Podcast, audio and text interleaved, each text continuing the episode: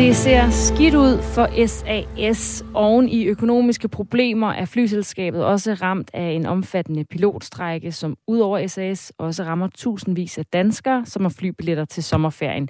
Det er en af de historier, du kan høre i vores øh, onsdagens udgave af vores nyhedsmagasin Radio 4 Morgen. Mit navn er Astrid Date, og lige om lidt spørger jeg en SAS-pilot, hvorfor han strækker. I denne time kan du også høre om antallet af ansøgere, der har haft sygeplejerske som deres første prioritet, er faldet med 28 procent i forhold til sidste år. Det betyder, at der fra næste år kommer til at være tomme stole på sygeplejerskeuddannelsen. Vi skal høre, hvad det betyder for det danske sundhedsvæsen klokken lidt over halv ni.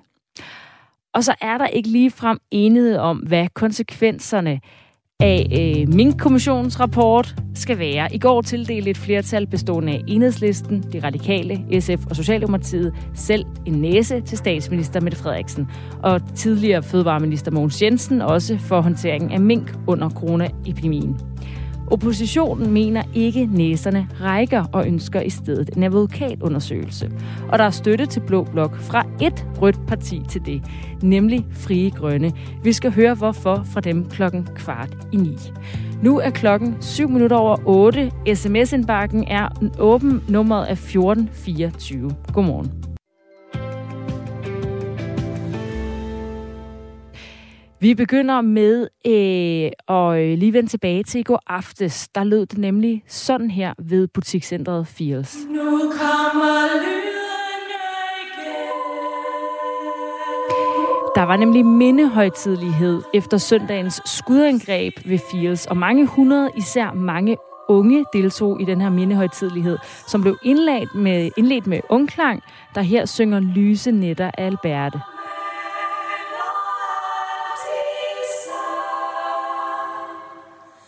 Blandt deltagerne var også kronprins Frederik og prins Christian. De kunne høre statsminister Mette Frederiksen fortælle, at nogle fantastiske dage med blandt andet Tour de France i Danmark blev afløst af en tragedie i shoppingcentret Fields i den københavnske Ørestad. Lige her, hvor vi står nu, var tusindvis af unge om aftenen på vej til koncert med et af deres idoler. Familier var på vej ud for at spise, eller en tur i biografen. Der var barnevogn, latter og smil og snak.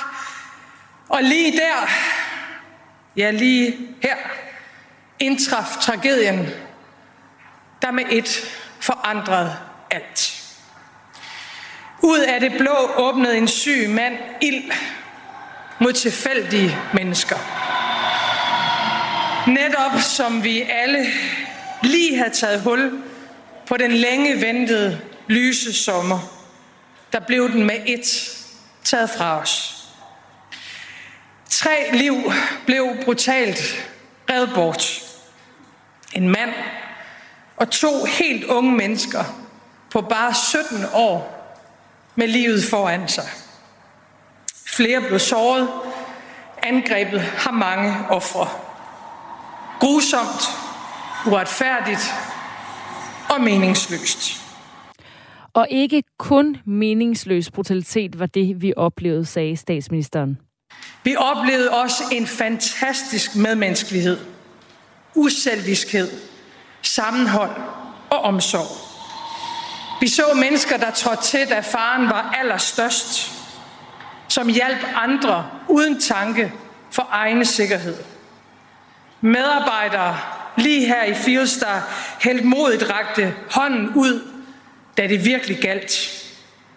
Medborgere, der ydede førstehjælp til dem, der var såret, og tilbød husly og hjalp folk hjem.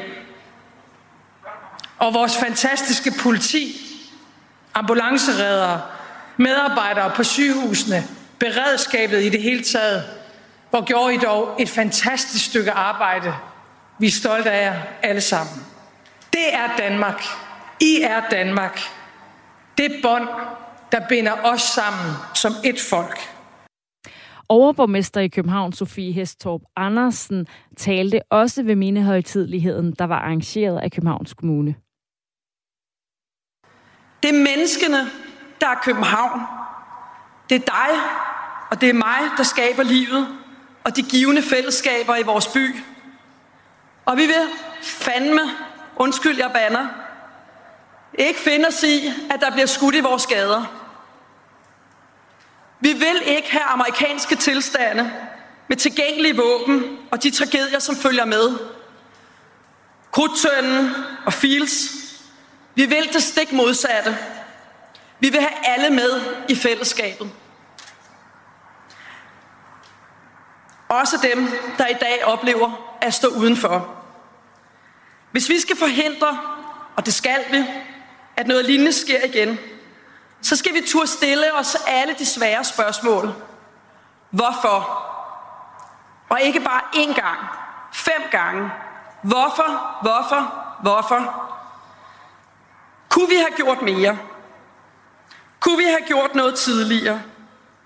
Kunne vi have gjort noget anderledes? Vi skal række ud og blive klogere.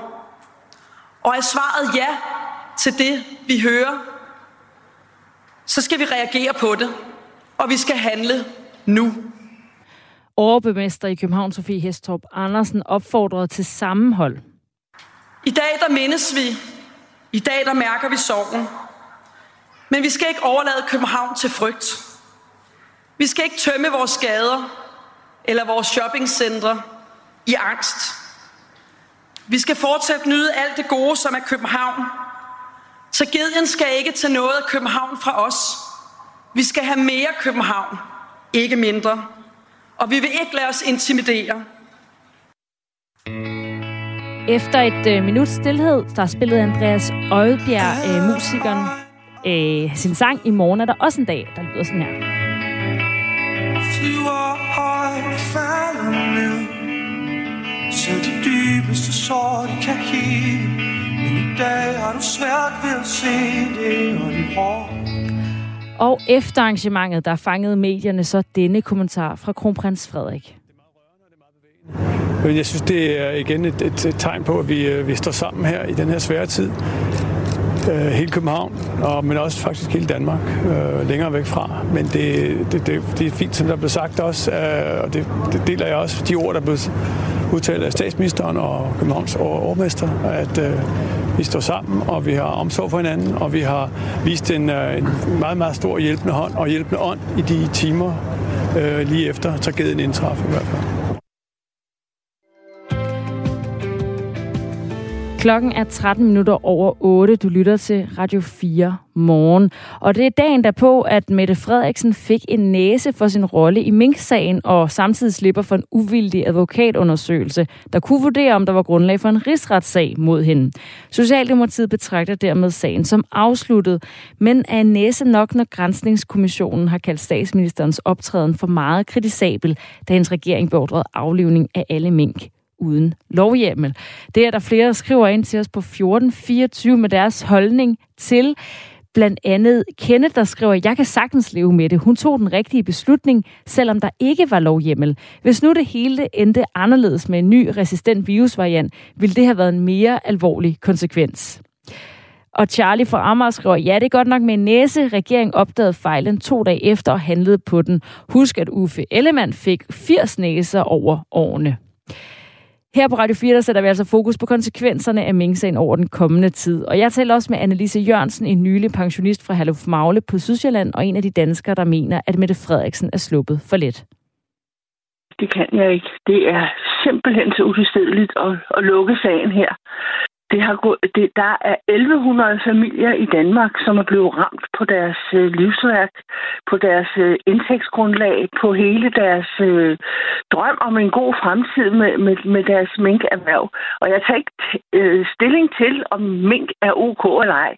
Det er simpelthen udelukkende øh, deres øh, indtægtsmuligheder, deres forretning, der er lukket, bare lige med et penselstrøg. Og det er så okay nu, åbenbart. Og det er ikke okay, nej. Det er jo blevet øh, undersøgt hen over et år, altså den her kommission har lavet en, en konklusion, som et flertal i Folketinget jo har vurderet, at det, at det, det ligesom skal slutte med at den her næse. Er det ikke, altså har du så ikke tillid til, at det er det rigtige?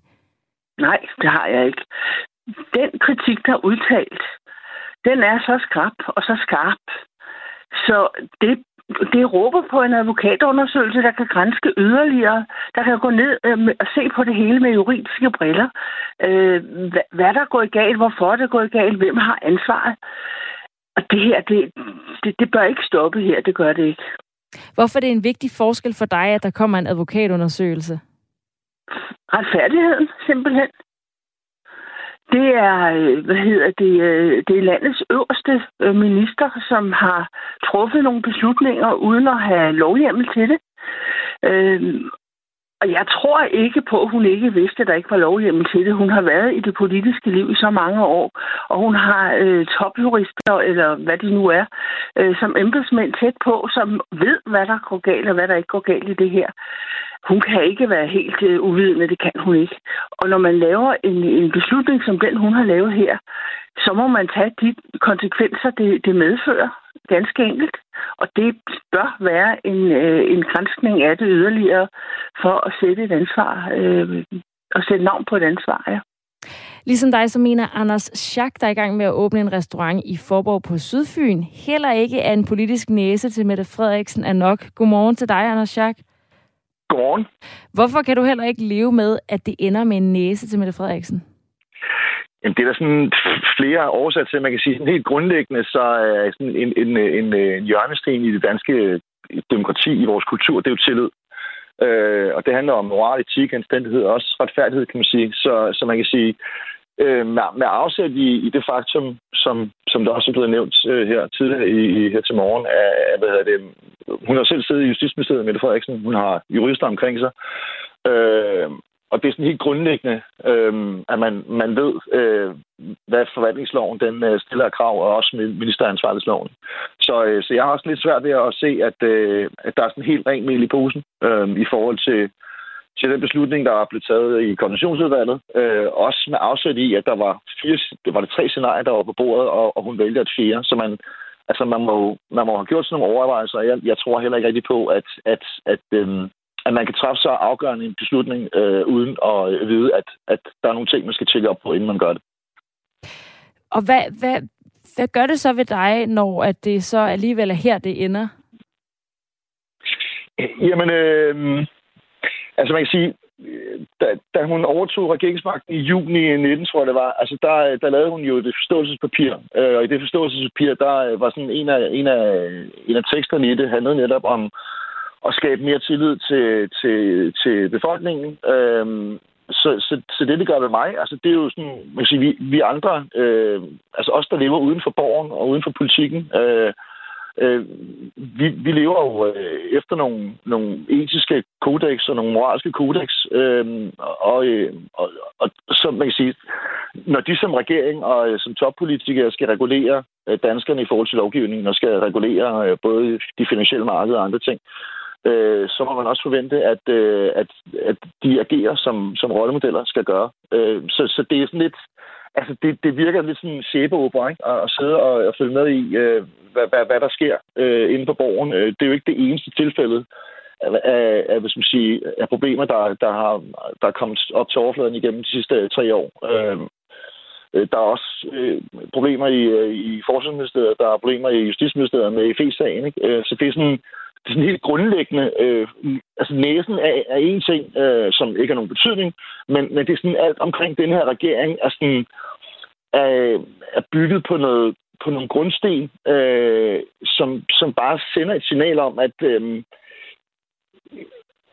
altså det, det går sådan lidt imod, hvad, hvad jeg synes, øh, danskhed er. Og det, det gør samfundet mere lukket, øh, og det splitter jo også øh, befolkningsgrupper. Altså, øh, og fordi, altså, man kan sige, det har jo ikke noget med partipolitik at gøre, men det er jo, det er jo der, argumenterne ligesom udspringer, når man er for og imod. Øh, også når man hører debatter øh, øh, i radioen og på tv. Men, men det, er jo, det sender bare et signal til befolkningen om, at, øh, at man kan gøre, hvad, hvad der passer ind lød det altså fra Anders Schack. Og der er flere også på vores Facebook-side, som også er utilfredse med, at det altså blev en næse til Mette Frederiksen oven på hendes rolle i Mink-sagen. Ole Vækse Olsen skriver, at det kan han selvfølgelig ikke leve med. Vi skriver 2022, og vi kan ikke bare sidde på hænderne og se, at de beskytter og dækker hinanden partierne imellem. Og for hvad? Ministerbiler ved næste valg. Håber, at de røde bliver sparket ud på røver og albuer, og de borgerlige partier kan i gang sætte en advokatundersøgelse. Hvis Mette og company ikke har noget at skjule, så er der vel ingenting at være bange for. Der er jo også dem, som øh, omvendt mener, at det, det giver god mening, og øh, Mette er jo på flere niveauer en eventuel blå minister, skriver Henrik Krogstrup Andersen. Agnete Lyse Pedersen skriver, det kan jeg meget let leve med, at det er rigtigt. Sandheden sejrer. Britta Grøndal siger, hvorfor bruge en masse penge og ressourcer på at undersøge noget, som vi alle ved ikke ender i en sag. De penge kan bruges fornuftigt andre steder. Vi har oplevet noget i verden, som ingen var herre over, og ingen kendte til udfaldet af. Og Britta Grøndal ligger sig lidt over øh, nogle øh, juraprofessorer. Der var øh, tre, der udtalte sig til information i fredag, som alle sammen sagde, at det her med, øh, det her ord groft uagtsom, som ligesom er vigtigt, hvis der skal være en juridisk sag, det vurderer det ikke er noget, som man kan klandre Mette Frederiksen for i denne her sag.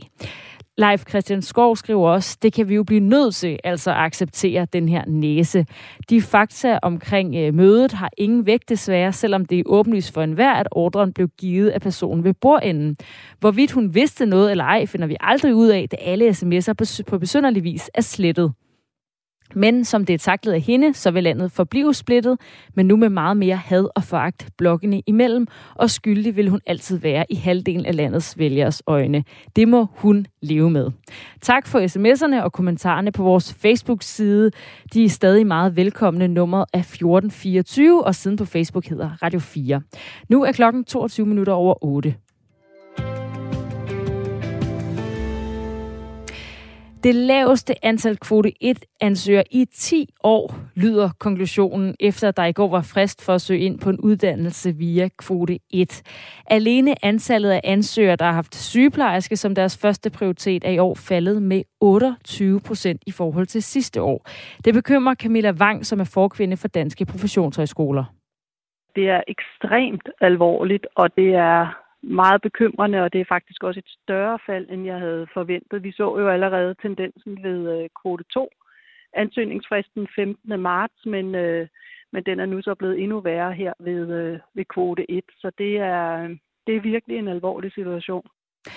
Øh, her dagen derpå er der så begyndt at komme politiske forslag på, hvordan ansøgertallet de kommende år kan stige igen. Radikale Venstre er klar med et forslag, der går ud på at give unge ret til gratis at læse videre på deltid i det akademiske system, mens de har fuldtidsarbejde. Det skriver Jyllandsposten.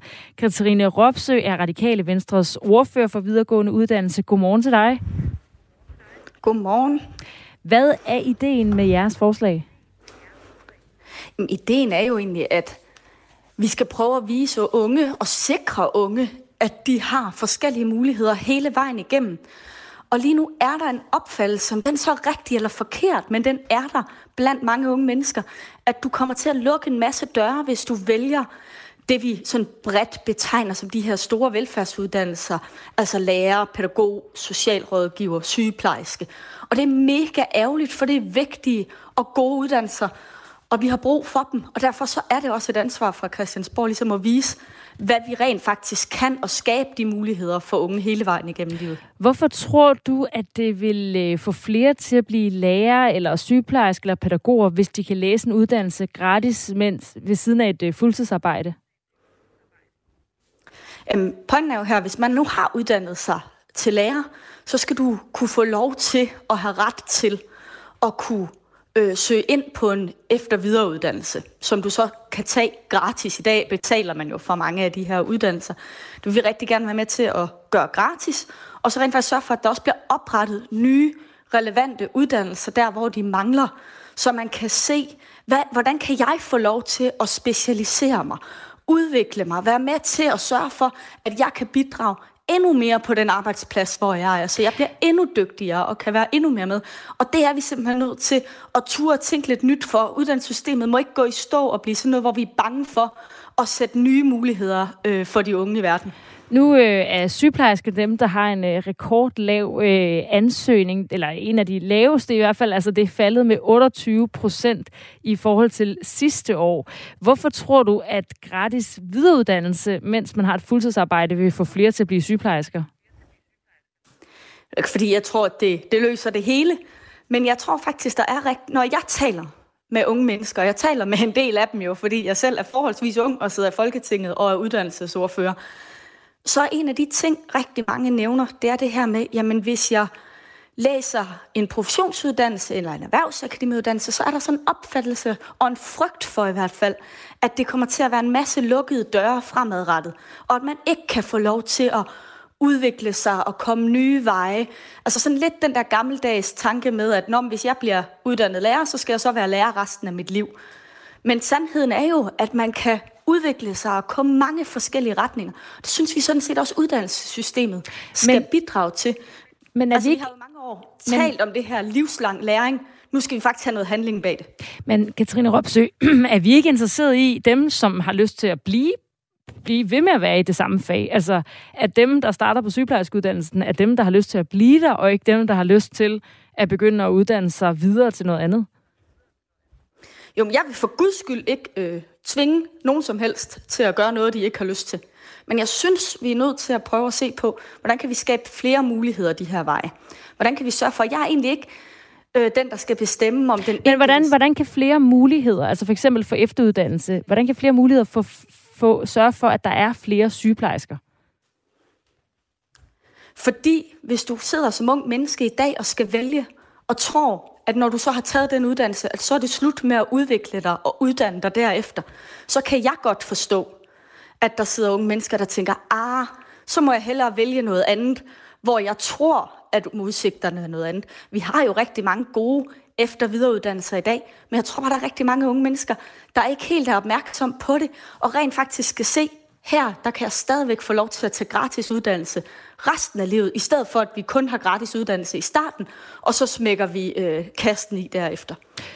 Og det her forslag går altså ud på, at man kan tage en øh, videre, altså videreuddannelse gratis, mens, altså på deltid, mens man øh, har et fuldtidsarbejde. Hvis de her unge i forvejen arbejder 37 timer om ugen, og så begynder at læse ved siden af, risikerer jeg så ikke en generation af unge, som, får, øh, altså, som går ned med stress?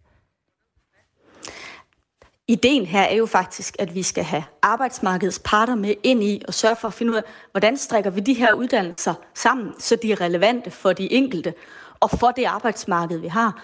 Og hvordan strikker vi det sammen for den enkelte, så man lige præcis har tid til at nå det hele. For jeg er da godt klar over, at det er skidesvært at få tingene til at hænge sammen, når man har et arbejde ved siden af. Det forstår jeg godt. Jeg tror bare ikke, det er mig inden for Christiansborg, der skal komme og diktere, hvordan den enkelte helt præcis kan få det til at hænge sammen. Jeg tror jeg sådan set, man gør bedre med sin arbejdsgiver. Men vi vil gerne give en ret til, at vi rent faktisk kan tage det her efter videreuddannelse, og at vi fra Christiansborg sørger for, at man kan gøre det. Og så er vores forslag jo faktisk delt op sådan lidt i flere dele, for der er både det her med, at man skal have et retskrav, vi skal gøre det gratis, og så skal vi også udbyde nye, relevante uddannelser, der hvor der mangler noget i dag. Hvor mange flere sygeplejersker vil det give? Jamen, vi ved ikke præcis. Vi har ikke regnet på, hvor mange præcise sygeplejersker øh, det her vil give. Jeg ved slet ikke, om man kan regne på det. Vores tanke her er jo, at vi rent faktisk skal være med til at sikre, at folk har lyst til at søge ind på de her uddannelser. Lige nu ser vi jo fald på fald på fald år efter år. Hvor, hvor mange og tror du så... ikke fra Christiansborg blive ved med bare at kigge den anden vej og sige, det lader vi bare køre, og så tror vi lige pludselig, at det vender. Hvor mange vil, du så, hvor mange vil så søge ekstra ind på uddannelserne? Jamen, øh, det kan, vi jo ikke, det kan vi jo ikke sige. Jeg kan bare sige, at når jeg taler med de unge mennesker, så er det her en af de ting, de er bekymret for, det er de her lukkede døre i vores uddannelsessystem. Og det gælder jo ikke kun på vores professionsuddannelser. Vores forslag omhandler jo også erhvervsakademier og vores faglærte, så man rent faktisk sørger for at få åbnet dørene til flere muligheder hele livet igennem, så du føler, at du kan tage den uddannelse, der er relevant for dig, der hvor du er i dit liv. Katrine Ropsø, tak fordi du var med. Radikales Venstres ordfører for videregående uddannelse. I alt der har 79.737 frem til fristen i går søgt om optagelse på en videregående uddannelse. Det er lidt over 13.000 færre end sidste år.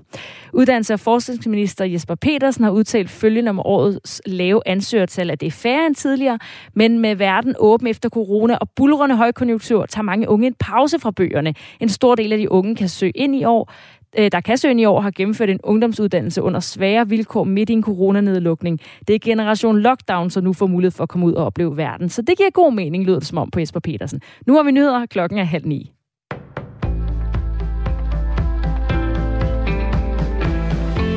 Konflikten mellem SAS og flyselskabets piloter står til at blive endnu værre, når omkring 200 flymekanikere til midnat går i sympatistrække med piloterne, det skriver DR.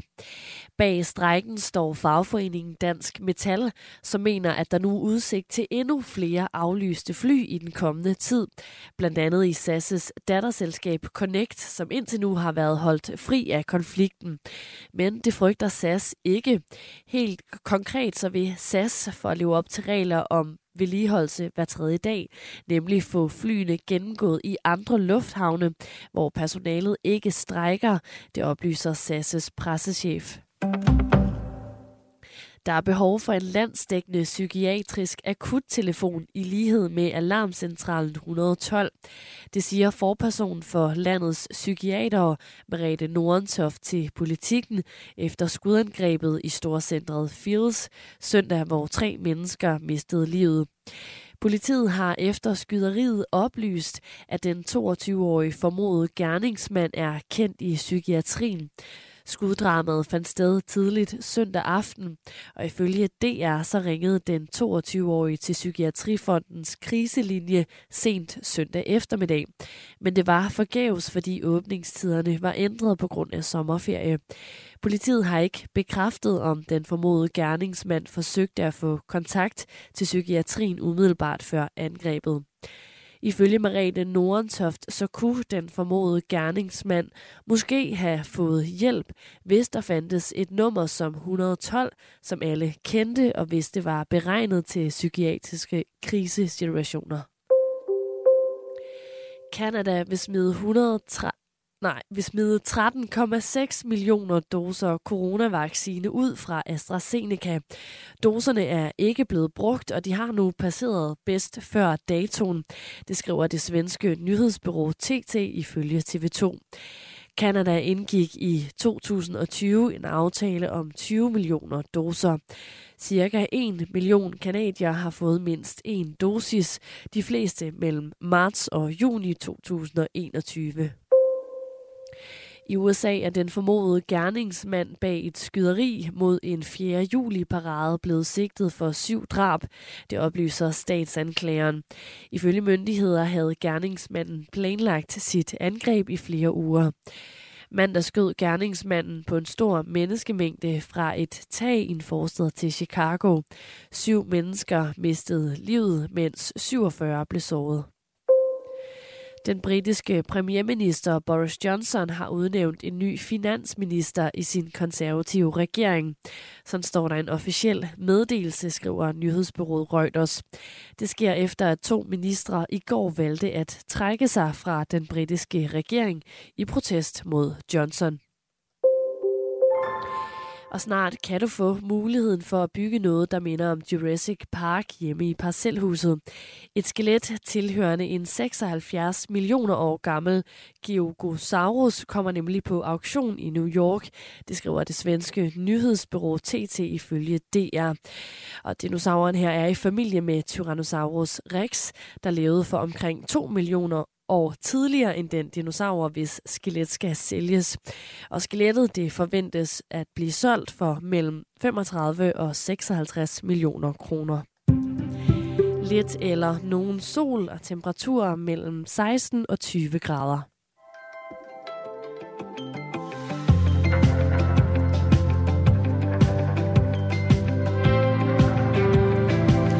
Det er utroligt, at støttepartierne blindt følger Mette Frederiksen. Hun er det mest arrogante, vi har været udsat for. Selvfølgelig skal hun stilles til ansvar, skriver Søren fra Horsens ovenpå, at Mette Frederiksen fik en politisk næse i går for sin rolle i Mink-sagen.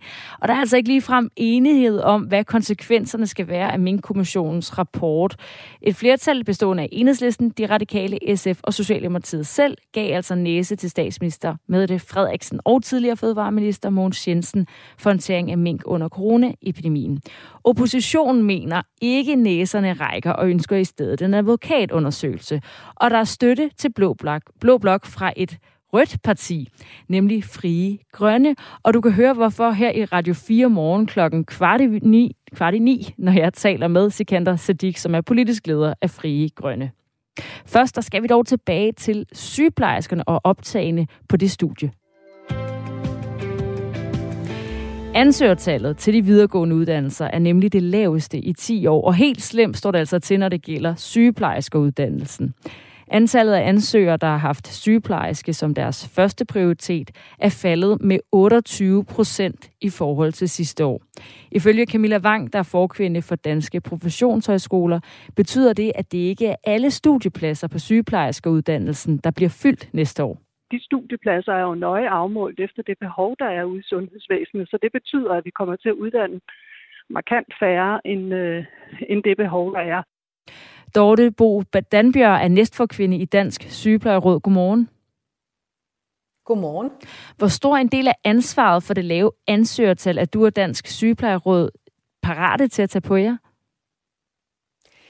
Øhm, jeg vil starte med at sige, at øh, ansvaret for det her, det ligger et sted, og det er hos politikerne. De er ansvarlige for vores velfærdssamfund, og derfor så peger pilen på dem, og ikke på os i fagbevægelsen. Er I ikke ansvarlige for os at passe på jeres branche?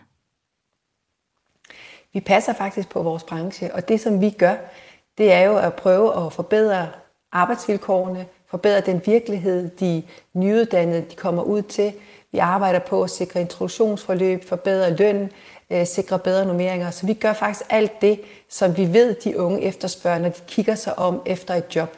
Hvorfor er det ikke en del af Paspers branche at sikre, at der søger nok ind på uddannelsen? Jamen det er det jo selvfølgelig også, og det mener jeg faktisk også, at vi gør igennem de ting, vi gør. For lad os nu antage, at hvis vi stoppede med at tale om løn og arbejdsvilkår i morgen, så vil de jo ikke blive bedre. Og det er jo det, vi kan se, at de unge, de, øh, de pejler efter. Vi ved faktisk også godt, at de unge de gerne vil have nogle fag med mening, og der har sygeplejefaget jo fuldstændig oplagt, fordi der er jo ikke noget mere meningsfuldt end at hjælpe et andet menneske. Men når vilkårene er øh, sådan, som de er lige nu, så er det altså derfor, at de unge vender ryggen. Så hvad er det, I har gjort mindre eller ikke har gjort, siden det er faldet med 28 procent i forhold til sidste år? Jamen der vil jeg igen pege på, at det er politikerne, der ikke har gjort noget. Øhm, sidste år, der har vi jo øh, været i konflikt. Vi har sendt et klart signal om, at øh, sygeplejersker får ikke nok i løn, men det er jo igen politikerne, der tøver med at gøre noget ved det. Vi kan jo se over en bred kamp, at de unge de fremvælger ikke bare sygeplejerskeuddannelsen, men også de andre velfærdsfag. Og det, som er fællesnævneren for dem, er jo, at det er fag i den offentlige sektor, og derudover så er det også det, vi kalder de kvindedominerede fag. Og der ved vi, at vi har et dokumenteret lønefterslæb, hvor vi får de her omkring 20-25 procent mindre end sammenlignelige mandefag. Der er i forvejen mange, øh, mangel på sygeplejersker i det danske sundhedsvæsen. 43 procent af de stillinger, der i dag slås op, bliver ikke besat, skriver politikken. Og det kan altså blive endnu sværere fremover at rekruttere sygeplejersker. I år er antallet af ansøgere til sygeplejerskeuddannelsen nemlig faldet med 28 procent, oplyser danske professionshøjskoler. Ifølge Camilla Wang, som er forkvinde for danske professionshøjskoler, så er de store velfærdsuddannelser generelt blevet mindre populære de seneste år. Men hun tror også, at sidste sommers sygeplejerske konflikt har sat sine spor. Når faldet er så stort i år, så tror jeg, at man, øh, man er også nødt til at, øh, at kigge på sygeplejekonflikten, der var i efteråret, fordi at den slags konflikter medfører en hel masse øh, ja, ballade, men også dårlig omtale og, og, øh, og sådan billeder af, at arbejdet som sygeplejerske ikke er særlig attraktivt. Det smitter med det samme af på uddannelserne, fordi når det kommer til for eksempel sygeplejerskeuddannelsen, så, øh, så fører den jo ret specifikt til et job som sygeplejerske. Så derfor kan man ikke adskille det med, om, øh, om arbejdet virker attraktivt øh, fra, om, øh, om uddannelsen er attraktiv sagde forkvinden for Danske Professionshøjskoler, og jeg taler nu med Dorte Bo Danbjørg, som er næstforkvinde i Dansk Sygeplejeråd. Er du enig i, at sygeplejefagets ry som et hårdt erhverv er årsag til det lave antal ansøgere? Jeg synes, det er vigtigt, altså nu taler vi om ry, og der har været ballade, men jeg synes jo, det er vigtigt, at vi kigger på de faktiske forhold, altså de forhold, som man arbejder under som sygeplejerske, og det er jo de forhold, som skræmmer og når vi har en konflikt, og når vi taler om forholdene, så er det faktisk, fordi vi ønsker at gøre noget ved det. Og jeg synes, det er vigtigt at stille de her spørgsmål til de ansvarlige politikere. Hvad har de faktisk tænkt sig at gøre ved arbejdsforholdene, lønvilkårene i den offentlige sektor? For det er jo dem, der skal være med til at ændre kurs, så de unge igen har lyst til at arbejde i den offentlige sektor. Der er en besked fra Lars, øh, som har skrevet ind til 1424, at det kan jo også være sygeplejerskerne, der selv er skyld i, at de unge ikke vil gå i uddannelse. De laver ikke andet end at brokke sig. Lad dem, der vil være sygeplejerske, forblive, og dem, der vil brokke sig, finde noget andet, skriver Lars. Hvad tænker du om det input? Jamen, jeg er nødt til at sige, at jeg synes, det er en meget overfladisk analyse af den alvorlige situation, vi står i. Vi kan se, at de unge, de fravælger generelt set velfærdsuddannelserne. Og hvis vi ønsker at have et stærkt velfærdssamfund, så vi jo bryster os af i Danmark, hvis vi skal også have det i fremtiden, så er politikerne nødt til at gøre noget ved det. Og man kan sige, jeg synes, vi skal et spadestik dybere, dybere fordi hvorfor er det, sygeplejerskerne brokker sig, som, øh, som lytteren han, han skriver? Det er jo faktisk fordi, at vi har nogle vilkår, som ikke er i orden, og vi har en løn, som ikke svarer til de an, det ansvar, vi har, og de kompetencer, som vi har. Så det der med lige at komme et spadestik dybere, og så prøve at sige, hvad er det faktisk, øh, vi kan gøre ved det, så vi alle sammen kan være sikre på, at vi har et stærkt sundhedsvæsen, både når du og jeg og Lars og alle andre får brug for det i fremtiden. Hvorfor har I ikke tænkt jer at bidrage til, at flere gerne vil være sygeplejersker? Det tror jeg heller ikke, jeg har sagt på noget tidspunkt. Vi vil rigtig gerne bidrage til, at flere ønsker at være sygeplejersk. Og jeg mener men siger du ikke, det er politikernes ansvar? Jo, det er politikernes ansvar, men vi er jo med til at påpege, når tingene ikke er i orden, og dermed er vi også med til at prøve at forbedre det. Jeg mener jo, at øh, gennem den kritik, vi leverer, der ønsker vi jo faktisk at ændre de forhold, der er i sundhedsvæsenet. Og så sent som i foråret, der lancerede vi et udspil sammen med øh, SLS, vores studerende og lederforening, hvor vi pegede på 12 anbefalinger, som kunne være med til at løse sygeplejerskermanglen. Så vi prøver konstant og hele tiden at lægge gode løsninger på bordet, som politikerne faktisk øh, bare kunne tage og omsætte til virkelighed. Når I jo også peger på problemerne, tror du så ikke, at det også kan påvirke, om man har lyst til at starte på uddannelsen? Det, at vi taler om problemerne, det det er ikke det, der gør, at de unge de ikke ønsker det til sygeplejerske. Det er det, at der er nogle problemer. Fordi hvis vi antog, som jeg sagde før, at vi ikke talte om problemerne fra i morgen af, så ville det jo ikke ændre ved, at problemerne stadig var der. Hvordan ved du det? det som jeg synes, jamen man kan jo se, at de sygeplejersker, som er i sundhedsvæsenet lige nu, de, øh, de forlader faktisk sundhedsvæsenet, og som du indledte det her indslag med at sige, så kan vi se fra rekrutteringstallene, at 43 procent af rekrutteringen er forgæves. Og det siger jo noget om, at sygeplejerskerne de stemmer med fødderne lige nu. De ønsker faktisk ikke at være en del af sundhedsvæsenet. Og det er jo ikke, fordi de bliver i gåsøjne skræmt væk af det, som vi, vi siger. De bliver skræmt væk, fordi virk, virkeligheden er, som den er. Så du vil slet ikke tage noget af ansvaret på dig for, at øh, sygeplejerskeuddannelsen er blevet mindre populær? Nej, jeg mener, at ansvaret det ligger hos politikerne, som jeg også sagde indledningsvis. Noget af det, som jeg synes er vigtigt i den her sammenhæng, det er, at jeg ser faktisk, at der er et håb for velfærdssamfundet. Jeg ser, at noget af det, som vi fik forhandlet igennem i forlisinstitutionen sidste år, den her lønstrukturkomité, det er noget af det, der giver håb for fremtiden. Vi har fået en komité, som skal kigge på de øh, muligheder og barriere, der er for at flytte sig lønmæssigt på det offentlige øh, arbejdsmarked. Og det er noget af det, som giver mig håb i forhold til at sige, jamen det kan være, at vi får et opgør med den uligeløn, som de kvindedominerede fag har været underlagt siden 1969. Så der er ikke noget, I kan gøre for at få flere til at blive sygeplejersker. Det handler om, at politikerne skal give mere løn. Vi skal selvfølgelig fortsætte det, som er fagbevægelsens fornemmeste opgave, at være med til at arbejde for, at vi får nogle bedre løn- og arbejdsvilkår. Og det gør vi i går, og det gør vi i dag, og det gør vi også i morgen. Hvornår begynder det at virke i forhold til at, få, at, at, i forhold til at gøre uddannelsen populær igen?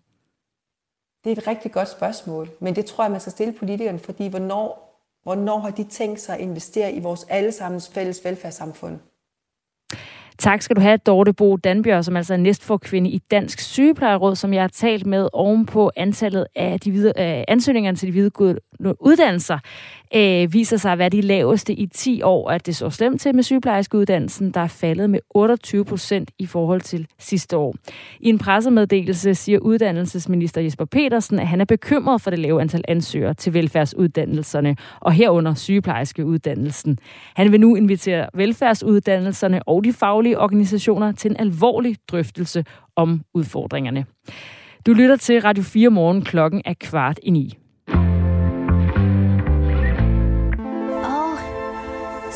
Drømmesengen er tilbage og kommer helt ind i hovedet på en gæst hver uge. Og så skulle jeg tage den ned ja, ja. og op. Sådan. Det er lige der. Gæsterne har svaret på 240 nærgående spørgsmål i en personlighedstest, men kan de genkende sig selv? Jeg har faktisk været ret spændt her i ja, hele morgen her nu. Og hvordan tager de imod deres psykologiske profil? Det er spot on. Lyt til Drømmesengen hver lørdag kl. 16 eller i vores app. Radio 4 taler med Danmark. Der er ikke lige frem enighed om, hvad konsekvenserne skal være af Mink-kommissionens rapport. I går tildelte et flertal bestående af enhedslisten, de radikale, SF og Socialdemokratiet selv en næse til statsminister Mette Frederiksen og tidligere fødevareminister Mogens Jensen for håndteringen af aflivningen af mink under coronapandemien i vinteren 2020. Men det er ikke nok, mener blandt andet Sofie Løde, som er formand for Grænsningsudvalget og politisk ordfører for Venstre. I går udtalte hun blandt andet til TV2. Altså reelt så freder de røde øh, partier jo i dag statsministeren og øh, regeringen ved at uddele sådan et par øh, sølle næser øh, til dem, på trods af, at det er den største politiske og forvaltningsmæssige skandale i nyere tid. Oppositionen støtter således ikke næseuddelingen. Partierne i Blå Blok mener, at uvildige advokater skal vurdere, om der er grundlag for en rigsretssag mod statsministeren. Og der er støtte fra måske en uventet kant, nemlig Frie Grønne og deres politiske leder Sikander Siddiq. Godmorgen. Godmorgen, godmorgen. I mener heller ikke, en næse er nok som afslutning på øh, den her sag og Mette Frederiksens rolle i Mink-sagen. Hvorfor ikke? Jamen det er fordi, som jeg også siger i introen, det her det er en, øh, en politisk og en forvaltningsmæssig skandal, øh, som vi ikke har øh, set i nyere tid. Og nu forsøger man så at tørre, hvad kan man sige, ansvaret af på, på embedsværket, og, og, og man freder nu statsministeren, og vi får aldrig undersøgt det politiske ansvar hvem er det, der har det? Og det synes jeg selvfølgelig er um, kritisabelt, både for, for, for, for vores retsstat og vores retsfølelse. Jeg kan godt forstå, at, uh, at, at borgerne ikke har tillid til, øh, til politikerne. Prøv at forestille dig, hvis en, en almindelig borger kunne reddes af, af venner, fordi man kunne dække over hinanden. Det er jo lige præcis det, man kan uh, i det politiske system, så det er, det er rigtig, rigtig ærgerligt. Uh, at det, det, der står tilbage efter vores udvalgsmøde i går og vores øh, og hele den her proces, det er kammerateri, må jeg bare sige uden at det skal lyde øh, forkert, så er Mette Frederiksen jo ikke en almindelig borger. Man har den rolle som statsminister, hvor der jo ligesom er nogle regler omkring, blandt andet, at der så er lavet den her kommission, den har lavet nogle, øh, øh hvad hedder det, eller kommission, der er kommet med nogle konklusioner, og på baggrund af det, at flertal i Folketinget så enige om, at det er næse, der ligesom skal være afslutningen på det. Samtidig er der også øh, jurister, som siger, at det her med, at der skulle være en grov uaksomhed, kan være svært at se i, i øh, min kommissionens rapport. Hvorfor, hvad er det, du mener, der, der, der ikke er i orden med den proces, der ligger her? Ja, to ting, der ikke er i orden. Det ene, det er, at nu sad jeg jo selv inde øh, til det her møde med, med min kommission. Og lad mig bare sige det sådan. Øh, jeg fik den opfattelse, at øh, det skal I undersøge, fordi at min kommission fik ikke til opgave at undersøge, om det lå grov, grov uaksomhed. Nummer to ting er, det her det er så vild en skandal. En, øh, en, øh, en, øh, en, en minister har vildt, hvad hedder det, Folketinget 10 topembedsfolk har handlet på en måde, der gør, at øh, de kan straffes, eller der kan, der kan, øh, at man kan, man, man kan, at, ja, simpelthen man kan øh, rette, øh, hvad hedder det, rejse sager mod dem. I sådan en situation, som også er foregået under en, en krise, hvor det er, man har indskrænket borgernes rettigheder, prøv at høre, hvis man er demokratisk anlagt, så vil man sige, uanset hvad nogen andre siger, selvfølgelig skal vi vende hver evig eneste sten. Og derfor så mener jeg, at det er problematisk, at støttepartierne, øh, som jo i i, år, i mange, mange år har kritiseret de blå for de blå partier for at lukke Irak-kommissionen, holde hånden under Inger Støjberg, gør præcis det samme med Mette Frederiksen nu. Det, der har behov for, det er, at vi skal have, at vi skal have placeret det politiske ansvar. Fordi det må i sidste ende være politikerne, som de øverste chefer, der har et ansvar i det her. Det skal undersøges. Grov uaksomhed skal undersøges. Og så, hvis der ikke er noget, så er det jo mega fint, fordi så er der ikke noget at komme efter, så har folk tillid, så kan befolkningen også have tillid til, at, at Mette Frederiksen har gjort det godt nok. Men at sige, at vi blokerer for en undersøgelse, der, der, der måske kunne placere ansvaret hos uh, Mette Frederiksen, det er ikke i orden. Og det gør øh, et flertal jo så af, af regeringens støttepartier. Er det også derfor, du siger at øh, til det er, at du er ikke stolt af at være en del af venstrefløjen lige nu? Ja, fordi det, for det første smadrer det jo tilliden til øh, alt på øh, hele det politiske system, men det smadrer jo også tilliden til venstrefløjen, fordi venstrefløjen har i i så mange år øh, råbt og skrevet efter blå, øh, de blå partier. Ja, I er, I er øh, blokeret for, at vi, at, at vi kunne stille Inger Støjberg til regnskab. Ja, I lukkede Irak-kommissionen, og så gør man præcis det samme. Og det, der var også var endnu mere øh, kedeligt, synes jeg, det var, at øh, altså, enhedslisten havde jo ikke engang læst rapporten. Vi fik den præsenteret. Øh, det tog måske en halv time, 45 minutter. Så øh, forlod vi lokalet, gik ud til pressen, og så sagde de, at vi freder statsministeren. Og det, altså, det er ødelæggende for, for vores demokrati, for vores retsstat, øh, og ødelæggende for tilliden til venstrefløjen. Og det er derfor, jeg sagde i går, at i går var jeg ikke stolt af at være en del af venstrefløjen, det må jeg sige. Og det med enhedslisten, det må lige stå for egen regning, for det har jo selvfølgelig ikke lige mulighed for at tjekke lige her og nu. Bare lige for at rise op, så er en næse altså en betegnelse for kritik af en politikers handlinger. Statsminister Mette Frederiksen og daværende Miljø- og Fødevareminister Mogens Jensen får hver tildelt en næse for deres håndtering af Mink-sagen. Og den blev givet på baggrund af den kritik, Mink-kommissionen fremfører sin beretning fra i torsdags. Her skriver kommissionen, at Mette Frederiksen Frederiksens udmeldinger på pressemødet 4. november, hvor hun beordrede alle mink aflivet, var groft vidledende og klart ulovlige. Og det er jo ja, som sagt ind med den her næse, og Sikander Siddiq, du mener, at, øh, at det er med til at smadre øh, troen på demokratiet. At, kan man ikke sige, at, at altså sådan, når du stiller dig i hælene i forhold til, hvad et flertal af Folketinget er blevet enige om, er du så ikke også med til at skabe mistillid til systemet og de processer, der ligger i det? Nej, for min opgave, det er at føre parlamentarisk kontrol. Det er den grundlovsbeskrevet øh, opgave, jeg har, det er at føre parlamentarisk kontrol. Og prøv at høre, prøv lige at forklare nogen, hvad en næse er. Prøv lige at forklare nogen, der ikke bor i Danmark, at sige, at, I, I, I, at forklare dem, hvad en næse er. Altså, vi uddeler næser det er jo fuldstændig krigen. Og det er også derfor, vi i Frie Grønne siger, det vi har brug for i Danmark, det er en forfatningsdomstol, ligesom vi har mange andre steder. Så det ikke er politiske venner, der kan frede en politiker, og det ikke er politiske fjender, der bevidst kan gå efter en, hvis, hvis der er et eller andet. Vi skal have en forfatningsdomstol i Danmark. Vi har lagt op til det flere gange. Så det er en uafhængig instans, der selv øh, vurderer, øh, selv øh, kigger på, om hvorvidt der er noget at komme efter og rejse en sag. Så er vi øh, uden om øh, det her øh, kammerateri. Det er det, vi har brug for i Danmark. Det har vi set med Irak-kommissionen. Det har vi set med Inger Støjberg-sagen, hvordan de blå partier øh, dækkede over Inger Støjberg. Og først da der kom et andet politisk flertal, så kunne man øh, hvad hedder det, ligesom gå videre med det. Og nu ser vi det, at Venstrefløjen gør det samme.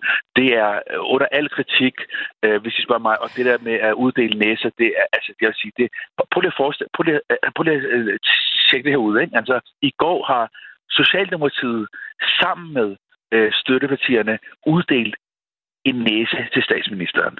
Altså, statsministeren og hendes parti har selv været med til at definere øh, lad os bare sige, øh, og gå, gå det man kan sige, Sikander Siddiq, at det betyder, at den på en eller anden måde sådan juridisk er lukket her sagen, men ligesom vi også taler om det nu, så fortsætter det jo politisk, og der kommer et øh, valg måske inden for nærmeste fremtid, hvor at man jo som vælger kan tage stilling til, når men vil jeg så stemme på den regering eller på de partier, som har været med til at give den næse i forhold til, du siger parlamentarisk kontrol, der er jo også en parlamentarisk kontrol i, at vi kan stemme til et valg og sige, det synes vi ikke er i orden. Hvorfor er det ikke øh, en øh, god, god nok kontrol eller konsekvens af, af Mette Frederiksens rolle i Mink-sagen?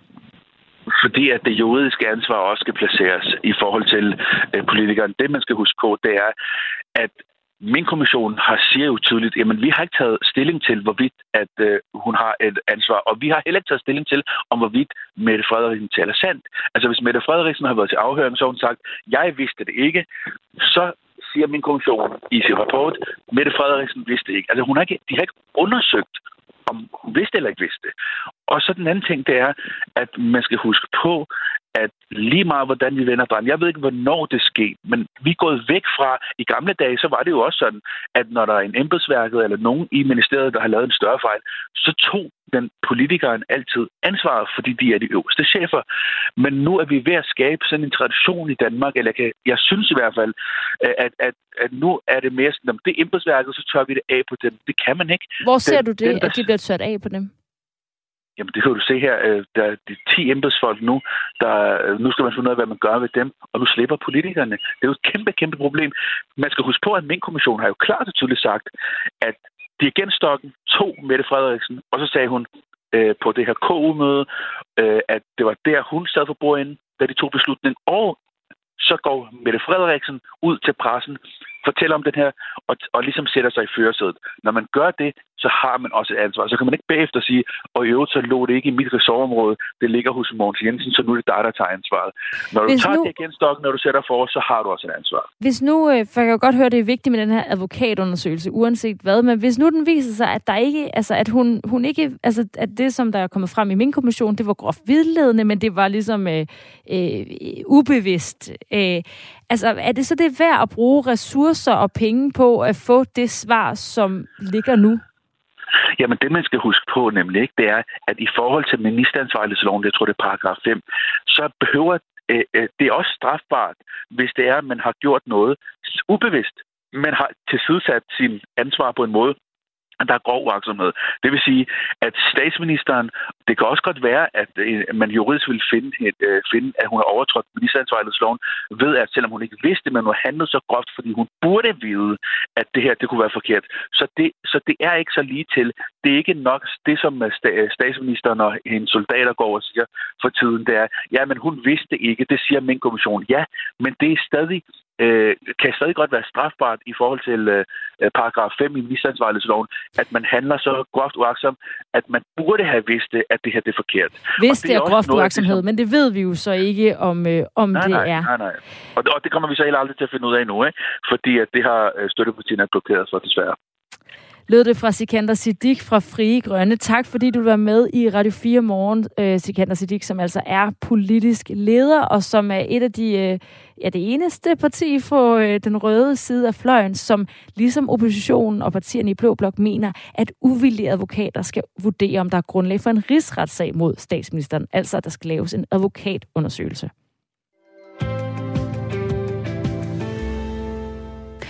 Flyselskabet SAS er i disse dage på mange læber, og tonen er tynget ord som strække, aflysning og kritik.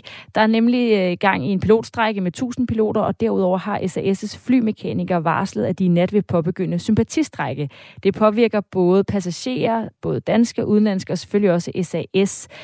Og der er jo nogle øh, særlige følelser øh, koblet til det her selskab i forhold til de andre flyselskaber. Og Esben Lund, som er journalist her på Radio 4, han var på en øh, noget øh, blæsende gukket i Aarhus og spurgte ind til deres tanker om, hvad SAS betyder for dem nu, hvor de jo står i en, øh, og står i en stor krise.